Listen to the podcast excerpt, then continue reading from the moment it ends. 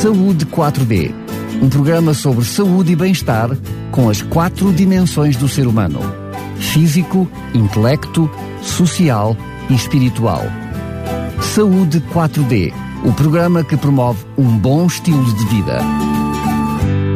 Estamos de volta para mais um Saúde 4D. É um prazer enorme estar na sua companhia. Como tínhamos anunciado, hoje estaremos mais uma vez à conversa, eu diria, com o ACES de Sintra, ou pelo menos com um projeto do nosso ACES de Sintra, mais concretamente com a senhora enfermeira Lourdes Vegas, mais uma vez. Obrigado por estar aqui connosco. Obrigada pelo convite.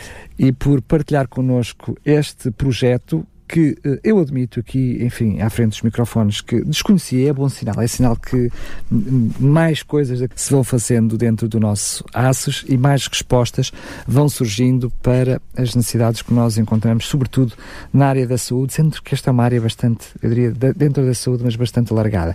Mas vamos começar então uh, pelo princípio.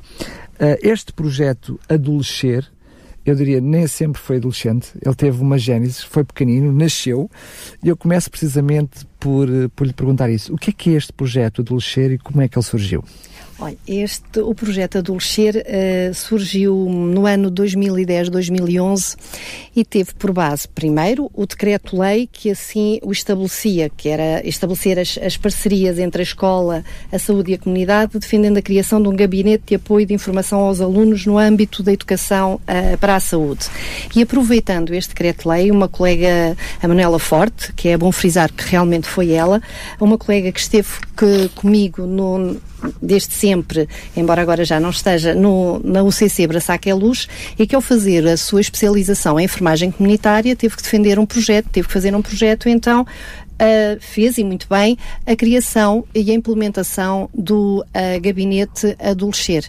E... Sendo que este nome, este, este gabinete Adolescer, é, um, é, é, muito próprio, é particular, portanto é o vosso. Essa diretiva comunitária implicava uma, diria, um conjunto de diferentes diretivas uh, na área de intervenção nas escolas, debaixo do guarda-chuva da saúde escolar.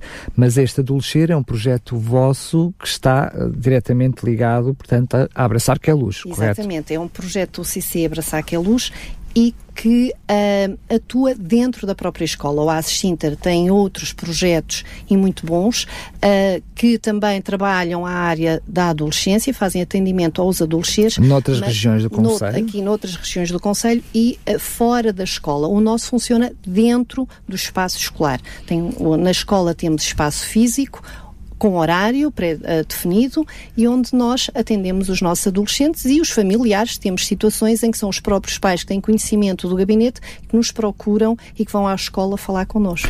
Eu vou ter que mesmo perguntar à Lourdes como é que funciona esse gabinete, porque realmente uh, é algo diferenciador daquilo que é os diferentes projetos dentro da saúde escolar, que para quem nos está a ouvir, e enfim, a maior parte dos pais que já de alguma forma tiveram conhecimento de, de, da vossa visita nas escolas, vossa agora de uma forma mais alargada aqui ao Conselho, aquilo que é a saúde escolar em Sintra, mas na área da palestras, de palestras de informação, quer alunos e pais, agora existir um polo, um espaço físico de atendimento direto a alunos e pais, que esta também é algo que gostaríamos de, de, de, falar sobre isto no programa de hoje, é algo diferenciador. Mas eu começo para perguntar a Lourdes qual é a importância, qual é a pertinência de, para além de, dessas crianças, terem o seu médico de família, o seu enfermeiro de família, têm o seu centro de saúde sempre de portas abertas para qualquer necessidade, qual é a pertinência de serem vocês a ter um polo na própria escola?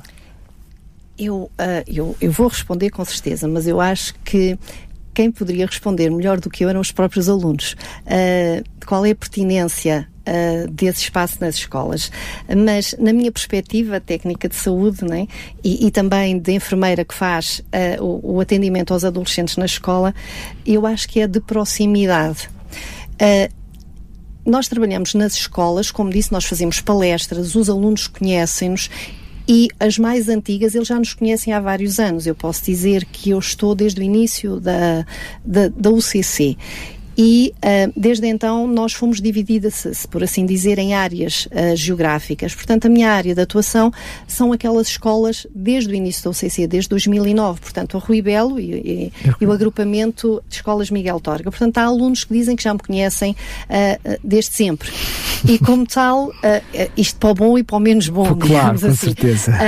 mas já têm uma afinidade uh, e também com outras colegas minhas que, embora mais recentes, mas também vão criando bastantes laços e então eles sentem uma maior afinidade e uma grande abertura também para nos ir procurar dentro do espaço da escola. Por outro lado, também é facilitador porque muitas das vezes ir ao centro de saúde têm receio de poder ser vistos, às vezes por, por, por vizinhos, por familiares e pode ser algo limitativo ok? Em algumas uh, situações. Ali na escola, estão no espaço, vão, uh, sabem que ele existe e, portanto, há uma maior uh, proximidade, penso eu. E depois, sim, sim, sim, peço desculpa de interromper. E depois é um espaço onde eles podem colocar todas as dúvidas e, e, é isso mesmo, é para isso que ele existe, é para eles colocarem as dúvidas e, e e é um espaço promotor de estilos de vida mais saudáveis. Tem uma, nós conseguimos, ou tentamos pelo menos, melhorar a acessibilidade nos serviços. Portanto, temos algumas situações em que os jovens vão lá um, colocam as suas dúvidas e nós conseguimos articular de uma outra forma com os outros técnicos de saúde de maneira a agilizar uh, algumas consultas ou algumas necessidades que, que eles próprios possam sentir. Muito bem, mas Lourdes, para quem está do outro lado dos microfones, que não sabe ao todo o que é que se trata, podem até numa primeira instância pensar que é um polo de assistência de primeiros socorros, que tem os enfermeiros vão à escola e tem ali um polo de assistência aos alunos.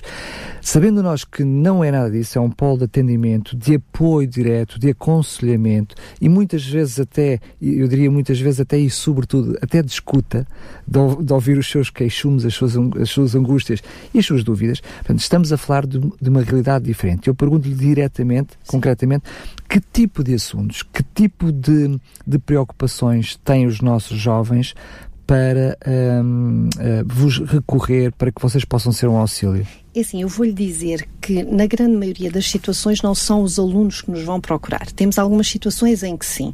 Normalmente são os profissionais da escola, nomeadamente os professores, dos diretores de turma, que se apercebem de que alguma coisa está menos bem com os seus alunos e lhes propõem ir ao atendimento adolescente. E depois são variadíssimos os temas que os levam lá ou muitas dúvidas, por exemplo, acerca de uh, infecções de transmissão sexual, de planeamento familiar, métodos contraceptivos, um, algumas de consumos de substâncias uh, uh, aditivas, algumas dúvidas acerca do início da vida sexual, problemas até alimentares, uh, algumas dúvidas querem tirar, portanto são variadíssimos os, os assuntos que, que os levam lá. Mas isso eu diria que são uh, assuntos na ordem do dia dos nossos adolescentes de uma maneira em geral, ou seja, são certamente assuntos que os preocupam.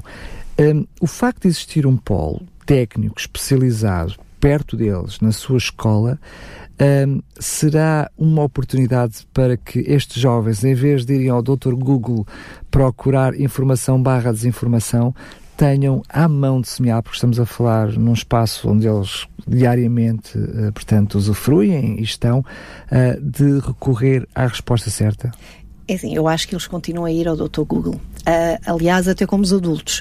Uh, e quando vão às consultas já dizem que pesquisaram e que viram. Que, já vão muito informados. com alguma informação ou desinformação, como acabou de dizer, isso é verdade.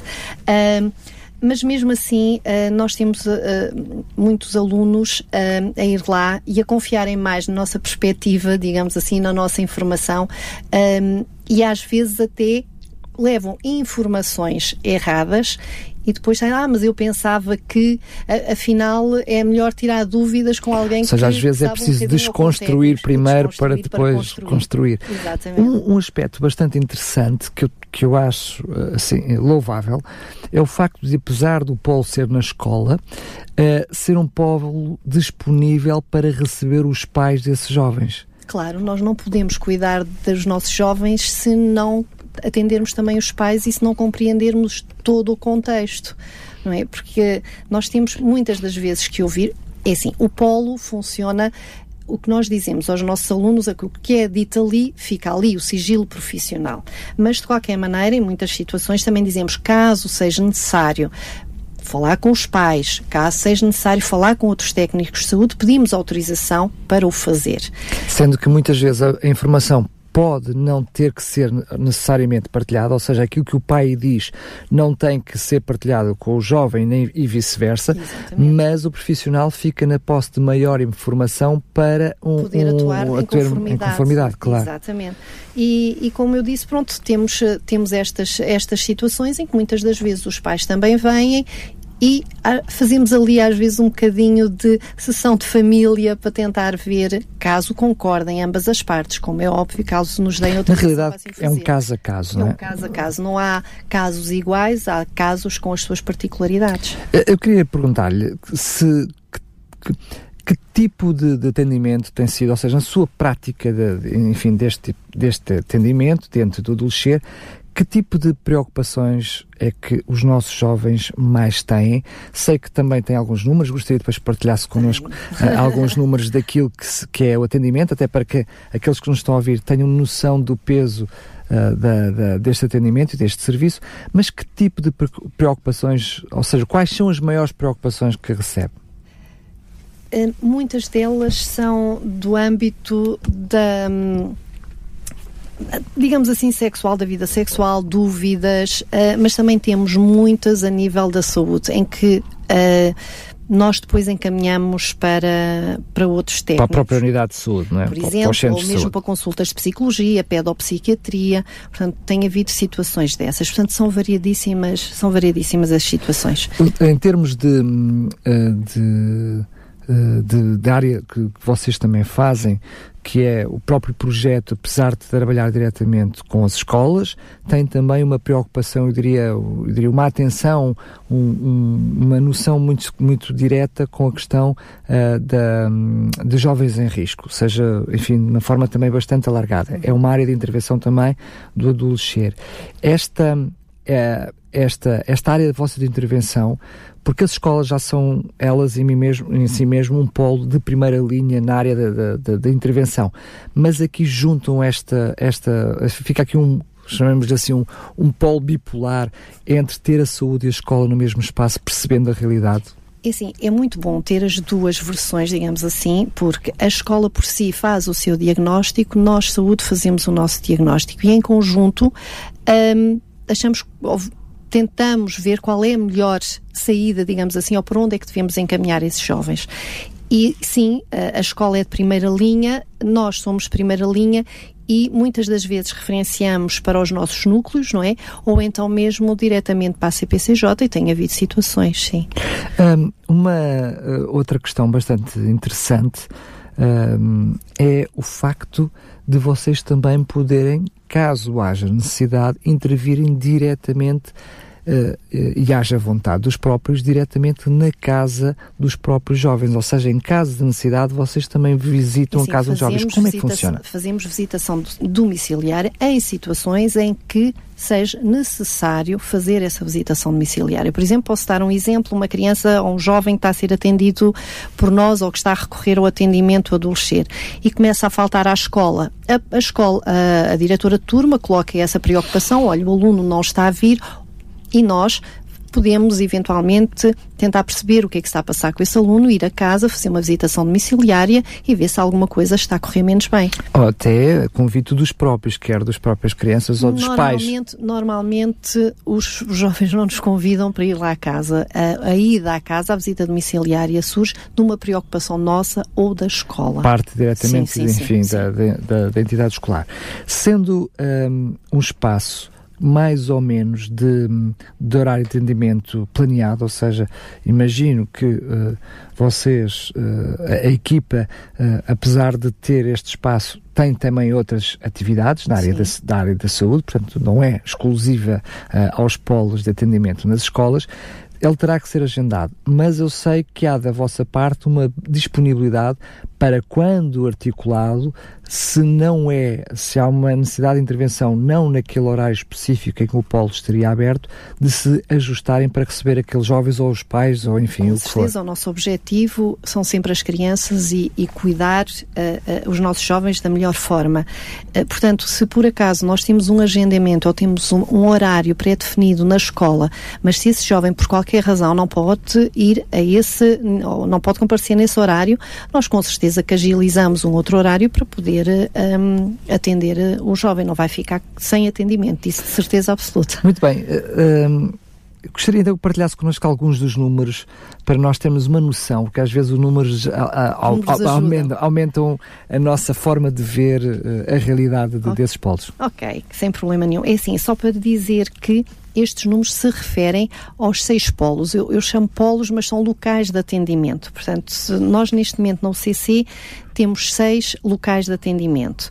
Uh, de início, quando isto surgiu, uh, era só para os, os uh, gabinetes serem criados ou, ou, nas escolas secundárias depois, com algumas particularidades de algumas escolas, como a de Casal de Câmara, a Agostinho da Silva ou então a Galopim de Carvalho, também houve necessidade de criar aí os polos. Logo de início foram cinco. Neste momento, pela mesma necessidade de, de criar mais polos, uh, foi também criado o polo na, no agrupamento de escolas Rui Belo, portanto que é uma B23. E os dados que eu vou dar uh, reportam a este aos ao dois, conjunto, de, das seis, dos seis dos polos. Seis polos okay? e, e reportam só primeiro e segundo período, que são os dados que nós, que nós temos. Portanto, tivemos uh, 66 atendimentos uh, de outubro, digamos, de outubro a fins de março. Uh, a maioria são do sexo feminino, tivemos dois atendimentos de sexo, 42, perdão, atendimentos do sexo feminino, ou do género feminino, mais correto, e 24 do, do género masculino. As idades, a sua grande maioria, está entre, está, está entre os, os 14 e os 18 anos, é 41 atendimentos, e com menos de 14, 22. Com mais de 18, tivemos pouquinhos, tivemos apenas, apenas 3. De uma forma, apenas nesses números, ele reflete também o número de, de crianças com essas idades no, espaço onde Sim. os polos estão, não é? Portanto, crianças com, com 18 anos nessas escolas Já são em menor número. É? Haverá é? eventualmente nas secundárias, mas, Sim, mas em menor número, claro. número. E depois, como eu lhe disse, os, os motivos são maioritariamente motivos de saúde, com 54 casos, e quando nós falamos aqui, ou é articulação para consulta, ou é para consultas de psicologia, eh, médico de família, ou mesmo, como eu referi há bocadinho, até a referenciação para a pedopsiquiatria. Um, e, e, hum, casos, o que As iniciativas de atendimento, como eu lhe disse há bocadinho, uh, não partem muito dos, uh, dos jovens, não é? Partem maioritariamente da comunidade escolar, sendo que 51, 52 uh, pessoas ou jovens uh, foram encaminhadas pelos seus professores, pelos diretores de turma, apenas seis pelo próprio foi iniciativa própria e, e, este ano tivemos também quatro pais que uh, solicitaram atendimento também para eles e para os Este ano, ou seja, este, este ano, ano, escolar, este digamos ano escolar, assim, ou seja, que ainda está, que ainda está a decorrer. exato, portanto, um, como eu disse, de outubro a março. Ajude-me, eu sei que, enfim, a Lourdes não terá certamente uma perspectiva completa da, realidade toda, apenas, enfim, da que é mais próxima, entendo eu, mas hum, olhamos para os números, percebemos que há aqui uh, uma diferenciação muito grande, uh, pode não ser apenas coincidência, uh, em que a referência por parte dos professores é maioritariamente nas meninas. Haverá aqui alguma, alguma área mais específica que leva a que esta realidade aconteça? Eu acho que tem tudo a ver com a sexualidade, sinceramente, e as meninas querem ir para saber o que é que é o planeamento familiar, como é que podem fazer planeamento Mas familiar. Mas quando há aqui intervenção é dos professores, não dos próprios, porque quando a Lourdes me diz assim, eu tenho dúvidas e quero saber, é da própria a iniciativa dos próprios alunos. Agora, quando são os professores a sugerir que, que eles vão a este espaço, aqui há um, eu não sei, eu estou literalmente sim, sim. a, a fazer-lhe a pergunta uh, para tentar ser o mais esclarecedor possível para quem nos ouve. é porque as, essas jovens levantam essas questões, mesmo havendo espaço na escola, aos professores e os professores indicam, ou parte por parte dos professores de uma preocupação para com aquelas jovens? Eu acho, sinceramente, eu acho que são os jovens que criam uma grande ligação com os seus diretores de turma principalmente quando são diretoras de turma, uh, e verbalizam algumas das suas preocupações Desculpa, com os... eu, eu estou a ser mal educado interrompê-la, mas acho que é interessante o facto de partilhar que são diretoras ter feito esse sublinhado. Até por as questões da sexualidade. por causa do assunto, okay, em, assunto ser eh, delicado. Ser delicado e isso percebe-se, enfim, uhum. a, a, forma como depois chega, chegam a vocês. Mas, hum, portanto, há então, independentemente de não haver aqui uh, esta iniciativa do jovem, das jovens, diretamente ter convosco, a preocupação parte na realidade deles na maioria. Também, não, é? não podemos, não, não, não, não, pode podemos, precisar não, isso. não posso precisar. É assim, não quer dizer que muitos jovens não tenham ido ao adolescer também porque foram as diretoras de turma que se aperceberam de, de alguma coisa, situação, de alguma situação. Claro. Sim, não sei, não sei precisar como é que ocorreu. Se foi a, a diretora de turma ou a professora que se apercebeu, se foram eles que verbalizaram. Dizer, eu quando Acho fiz a pergunta já percebia... Nas, na, nos, dois, nos dois casos. Agora, o que eu acho interessante neste projeto é que eu imagino que estes jovens, dificilmente por iniciativa própria e muito menos pela incapacidade dos professores, porque não teriam essa autonomia, iriam ao seu centro de saúde para ver estas questões resolvidas se o polo não existisse. Porque se a maioria deles parte não por vontade Sim, própria, provavelmente não iriam. Não iriam. Sim, Ou seja, o que se... embora as minhas colegas tenham espaços e tenham abertura para atender todos os jovens. Claro, claro, eu estou a falar é que família, médicos é quando estamos a falar, o centro de saúde está na escola. Sim, sim, está na escola. E eu acho que ir à instituição centro de saúde é capaz de os intimidar um bocadinho ou de se sentirem menos bem. Uh, agora, com certeza que vão ser recebidos e sempre que eles necessitarem, as minhas colegas vão estar uh, uh, prontas e disponíveis para os receber e lhe dar o maior, o melhor atendimento possível, com certeza. Sendo que a, realidade que eu me apercebo é que muitas das vezes até para, é à procura do ato médico, portanto, questões de saúde, não tanto até por, por, questões de dúvidas, a questão que eu lhe pergunto é se na sua prática tem a percepção de que o jovem, quando recorre ao polo de atendimento, com mais facilidade volta. Ou seja, se, se, se ele próprio reconhece a utilidade do polo e, e estreita uh, laços com o próprio polo. Volta. E eu posso lhe dizer que destes dados que, que eu lhe apresentei, um, apenas 19 foram uma vez só. O resto. E se calhar desses 19 o caso em questão foi resolvido sim, e, portanto, também não, se, não, sim, se, sim, não, se, não era necessário voltar lá. Portanto, significa que gostam do, do, do espaço e que sentem confortáveis e, e, e que sentem que têm uma resposta por parte do espaço. Porque de 66, apenas 19 foram apenas uma vez. Uh, Lourdes, eu tenho que lhe fazer uma pergunta bastante direta, porque eu, eu estou, estou, fascinado com o projeto, acho que é bastante interessante, mas tenho que reconhecer uma outra realidade.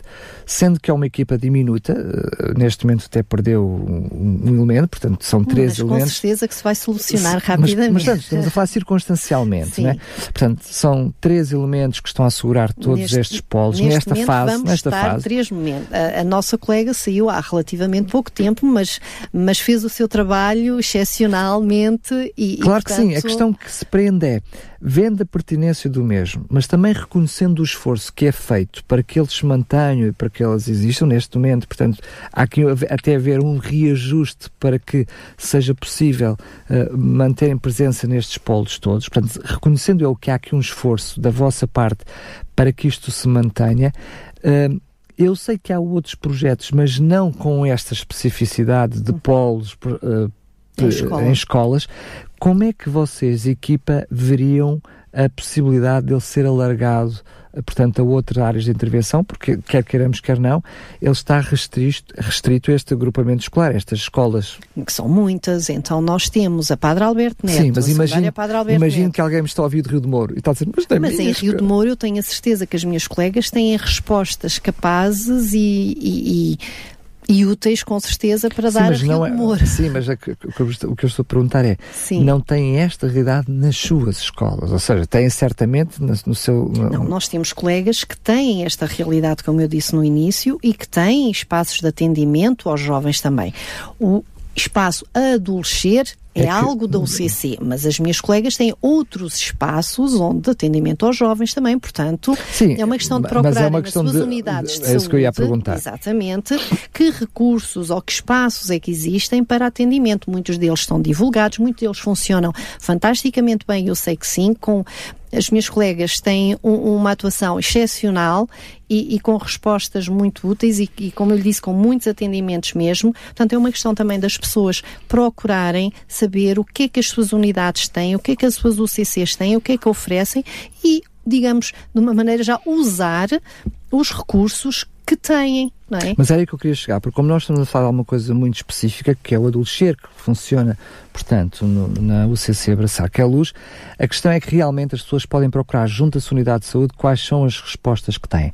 Mas eu ainda queria mais longe porque a Lourdes não está só nestes espaços, também está, eh, enfim, em espaço de centro de saúde e ali também eh, certamente dará as respostas necessárias. Ou seja, mesmo que possa haver aqui uh, uh, alguma indisponibilidade do, do, do, do técnico estar na escola, estes jovens, sobretudo pais que nos estão a ouvir, jovens que nos estão a ouvir agora, podem, devem recorrer à sua unidade de saúde procurando as mesmas respostas junto do, do, seu enfermeiro de família, do seu médico de família, não é? Devem mesmo recorrer às suas unidades de saúde, o seu médico de família, a sua enfermeira de família estão lá para os receber e, e lhes prestar todo o apoio possível, não é? Um, e mesmo eu não estando para os, para os, alunos, para os adolescentes das escolas que por acaso não podem ir ao atendimento, que queiram ir ter comigo ou com os meus colegas ao centro de saúde, também arranjamos e temos disponibilidade para os poder atender. Portanto, e, e o facto de ter frisado aí que estamos menos elementos, estamos, mas jamais deixaremos que os espaços adolescentes fiquem sem ninguém. Portanto, claro. entre nós e eu creio que vai ser por, uma, por um tempo muito limitado e além de mais estamos em altura de férias, portanto nem se vai notar uh, esse aspecto, portanto eu tenho que isso vai solucionar muito rapidamente. E enquanto houver essa resposta, enquanto vier um outro elemento, uh, nós vamos com certeza assegurar os espaços e dar resposta uh, a todas as solicitações. Hum, perdão, a todas as solicitações feitas pelos professores e pela escola. Disso tenho a certeza absoluta. Esta, esta necessidade de, muitas vezes, uh, ser uh, a saúde a, a, correr atrás do utente, em vez de ser o utente a correr atrás da saúde, ou seja, a iniciativa a partir muitas vezes por parte uh, dos profissionais de saúde é uma realidade que está a incentivar-se e a mudar ao longo dos últimos anos. Ou Eu seja, espero que sim. Nós temos cada que vez mais... os nossos utentes a serem eles a procurar-nos e a saber o que é que nós temos para eles obterem as respostas Mas a verdade que é que está a acontecer o inverso, ou seja, cada vez mais vocês vão atrás de... Uh, é preciso vacinação, são vocês que andam a contactar as pessoas para ir à vacinação. É preciso fazer uh, o diabético, vamos contactar os diabetes para virem à consulta, senão eles não vêm. Ou seja, há um esforço muito grande da parte da saúde de trabalhar a prevenção. Por isso, projetos como este, que estão de, de proximidade, fazem cada vez mais sentido. Mas eu, exatamente porque nós precisávamos que as pessoas cada vez mais olhassem para os seus centros de saúde, para as suas unidades de saúde, para o seu médico de família, para o seu enfermeiro de família, como alguém que não está ali para resolver problemas, mas está ali alguém para os evitar, uhum. para ser um auxílio, para ser um companheiro, muitas vezes para uma vida inteira, não é? Acompanham os casais quando se formam, depois, enfim, quando querem ter o seu primeiro filho, veem os filhos crescer. Esta realidade também vocês, junto das escolas, promovem mudança de mentalidades. Porque Com certeza, pessoas... até porque o nosso objetivo é promoção da saúde. Portanto, nós somos cuidados de saúde primários e não atuamos só na doença, né? nós queremos atuar na promoção e prevenção da doença.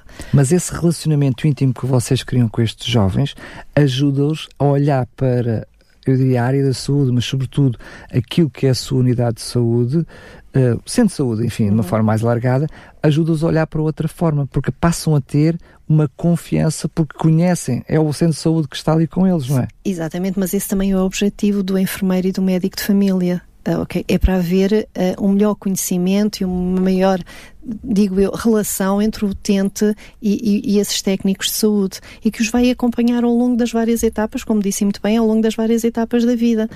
Agora, é importante que as pessoas também se mentalizem que tem que partir deles a procura dos centros de saúde, tem que partir deles o promover a sua própria saúde, o prevenir a sua doença, não é ir só ao procurar os recursos de saúde quando estão doentes, mas é procurar antecipadamente os, uh, os recursos de saúde para evitar ficarem doentes. Isto é um trabalho que tem que ser feito e está a ser feito consciencializar as pessoas de promover a sua saúde e de prevenir que a doença aconteça.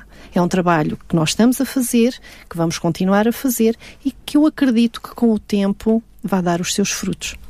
Para, eh, agora de uma forma mais direta, para os pais que, que nos estão a ouvir, sobretudo pais que possam ter crianças jovens nestas, nestas fases etárias, etárias que têm precisamente estas dificuldades e estas problemáticas, eh, esta fase, eh, enfim, a fase do armário, como nós costumamos dizer de uma forma mais, mais brusca, tem realmente a sua especificidade, eles precisam muito de ser, de ser acompanhados. Muitas vezes os próprios pais não têm a disponibilidade que, que, que gostariam até de ter uh, capacidade de dar resposta e muitas vezes não sabem como abordar uh, algumas temáticas. Uh, contar convosco nestas escolas é uma mais-valia para estes pais, ou seja, os próprios pais recorrerem, uh, recorrerem, recorrerem aos vossos serviços no sentido de receberem a ajuda necessária para eles, pais, também serem uma ajuda para os jovens. Mas este é o objetivo dos nossos espaços, é complementar uh, o trabalho dos pais e naquilo que eles acham que não conseguem ou que será melhor uh, ser feito por um técnico de saúde, nós estamos cá para isso. Portanto, procurem o uh, gabinete adolescente, não só da nossa UCC, mas também outros que existem, como eu referi, no ASES Sintra, procurem os médicos de família, procurem os enfermeiros de família, mas convém que o problema, se ele existe, se resolva ou antecipar que algum problema ocorra. Okay? E é para isso que os centros de saúde estão cá, é para isso que os técnicos estão cá, é para ajudar os seus utentes a resolver alguns dos problemas que são possíveis resolver pelos técnicos de saúde, como é óbvio. Às vezes não são questões uh, uh, sequer de um problema. Às vezes são questões de, por exemplo, qual o melhor meio, meio conservativo que, que vou usar, ou, ou, quais são as vantagens de um e de outros. Eu estou apenas a fazer perguntas, nem sequer uhum. estou com um problema. Sim, estou, sim. Preciso correto. de respostas. Ou seja, sim, sim. estamos a, a, no sentido de abrir uh, claramente um, a oportunidade de termos logo ali alguém que não é o colega de, de carteira do lado com alguma curiosidade que nos dá alguma informação, ou porque até às vezes o exemplo do colega do lado pode não, não, ser, não ser, o mais correto, o mais para, correto nós, para mim adaptado. e ter ali um profissional, eu diria, mesmo ao pé, se me permite a expressão, também mesmo à mão. Está literalmente um, ali ao lado. Não, mas é, é, exatamente isso. Eu quando falei em problema, mas era, era, era exatamente isso também, o, o prestar toda a informação necessária para que tudo corra bem, para que o jovem viva a sua vida da forma mais saudável possível. Portanto, e nós estamos lá para fornecer toda a informação, para fornecer aquilo que eles necessitarem, obviamente, dentro do âmbito da saúde. Ah, este às vezes, quando a saúde escolar é feita na área de, das palestras, que também acontece, enfim, quando, há, há, aqui uma, uma, uma, como é que eu ia dizer, uma intervenção mais invasiva, ou seja, uh, no sentido em que uh, o profissional de saúde ocupa agora o espaço de aula, ou um espaço público, mas é o, o, o profissional de saúde que procura o contacto com aqueles jovens. Quando o profissional de saúde está quietinho, sossegadinho no seu gabinete, torna a iniciativa por parte do próprio, ou mesmo que seja por sugestão uh, do professor, não há aqui uma atitude invasiva do profissional de saúde. Sente que uh, esta forma de atuar torna, eu diria, o início da conversa, sobretudo por um assuntos tão, tão complexos para jovens que numa, numa fase em que acham que sabem tudo e que têm às vezes muita dificuldade em se expressar, o facto de vocês estarem quietos, não serem vocês que foram procurar o contacto, torna o diálogo mais fácil?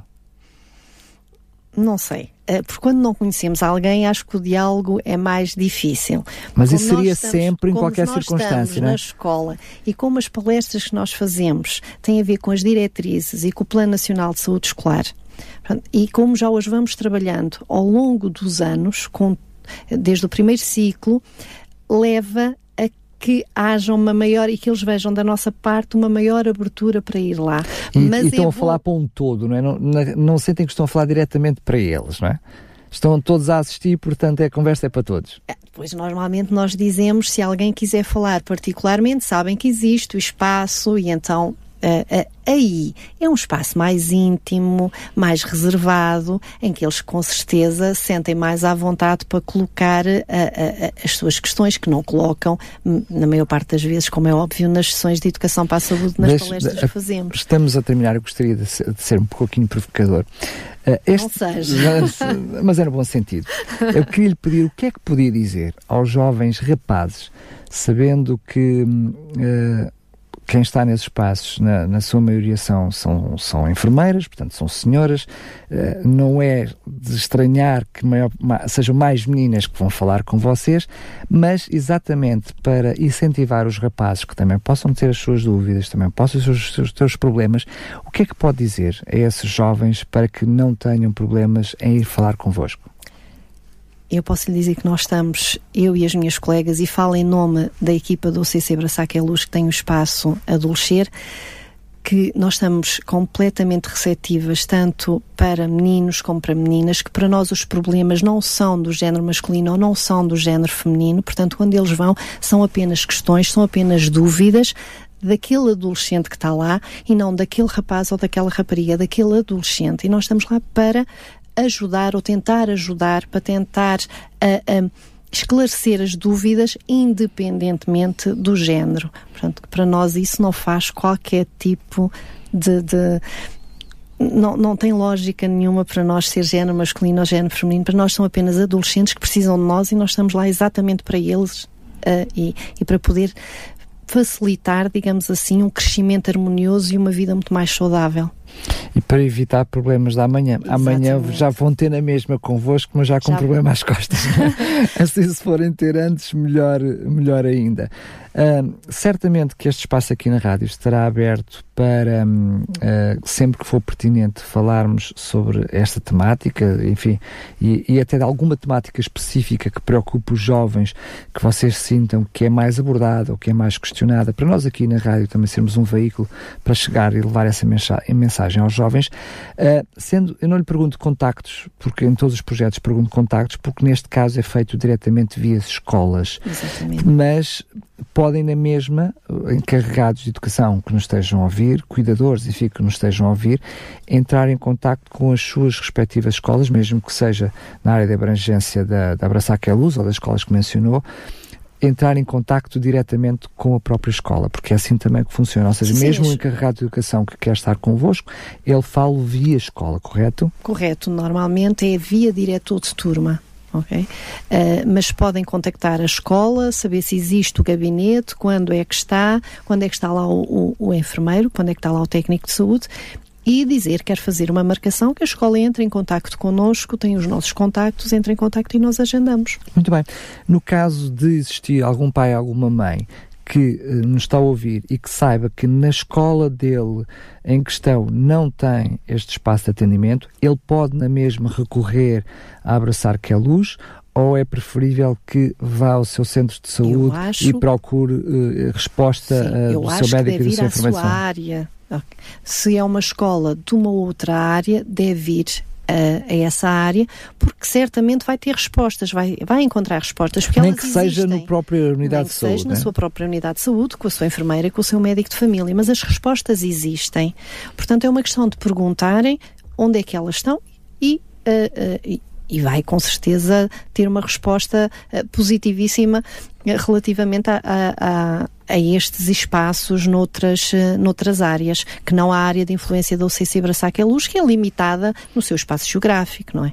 Muito bem, mas mesmo assim já tem muito com que se coçar, como costumamos dizer, são muitas as escolas para os técnicos que estão envolvidos, mas eu quero, em primeiro lugar, um, enfim, estender o cumprimento a toda a equipa e, enfim, e quem de alguma forma o imaginou e já há 10 anos que, que o vai implementando, por aquilo que é vossa, o empenho e a vossa área de, de intervenção nas escolas. Muitas vezes temos a tendência para desvalorizar aquilo que, que nos é dado eh, de boa vontade e gratuitamente, mas aqui está mais um projeto de saúde na, na, no ASES de Sintra, de que hum, devemos nos orgulhar, enfim, uh, mais uma vez vos cumprimento. A última pergunta é perceber quais são as vossas dificuldades, o que é que gostaria que uh, ver, uh, enfim, uh, resolvido ou que pudesse ser atingível para que este, para que este projeto pudesse ser mais eficaz? tempo. nós precisamos de tempo, mais profissionais, como é óbvio, mas como eu disse, isso com certeza se vai solucionar, uh, mas de tempo, porque o facto de nós estarmos há muito tempo nas áreas, também temos, somos muito solicitados e tentamos dar resposta a tudo e, e, e, às vezes o tempo não é suficiente. Isso é uma questão interessante, ou seja, à medida que vão estando no terreno, vai criando maior, maior confiança, o, o o pa, passa-palavra leva a que outros também procurem uh, o espaço, mas vocês são sempre os mesmos, né? e o tempo o mesmo, é claro. E às vezes o tempo não, não nos permite dar respostas em tempo útil, ou pelo menos não naquele tempo que nós gostaríamos de, de, de dar a resposta no tempo mínimo. E isso realmente eu acho que para mim é, é, é o mais uh, é o mais difícil, o mais preocupante, é não conseguir dar às vezes as respostas tão rápido como gostaríamos de dar pelas limitações que temos, mas que com boa vontade tudo soluciona. Muito bem, mas serve também para quem está do outro lado dos microfones perceber quais são as vossas dificuldades. Enfim, e de alguma forma também uh, entender que muitas vezes Uh, os projetos são feitos com carolice, com muita vontade própria, fora de hora de trabalho, criando cartazes, criando muitas coisas. Um, enfim, uh, para, uh, acabou a hora de serviço, mas as preocupações continuam, o trabalho continua, não é? Muitas o vezes. continua muitas vezes, sim, sem dúvida. Muito bem, eu quero mais uma vez agradecer. Fico as portas, como eu costumo dizer sempre, não estão abertas, estão escancaradas para uma próxima oportunidade. Muito obrigada, agradeço em meu nome, em nome da minha equipa e em nome do CC Braçac é Luz. Obrigada. Saúde 4D. Um programa sobre saúde e bem-estar com as quatro dimensões do ser humano: físico, intelecto, social e espiritual. Saúde 4D. O programa que promove um bom estilo de vida.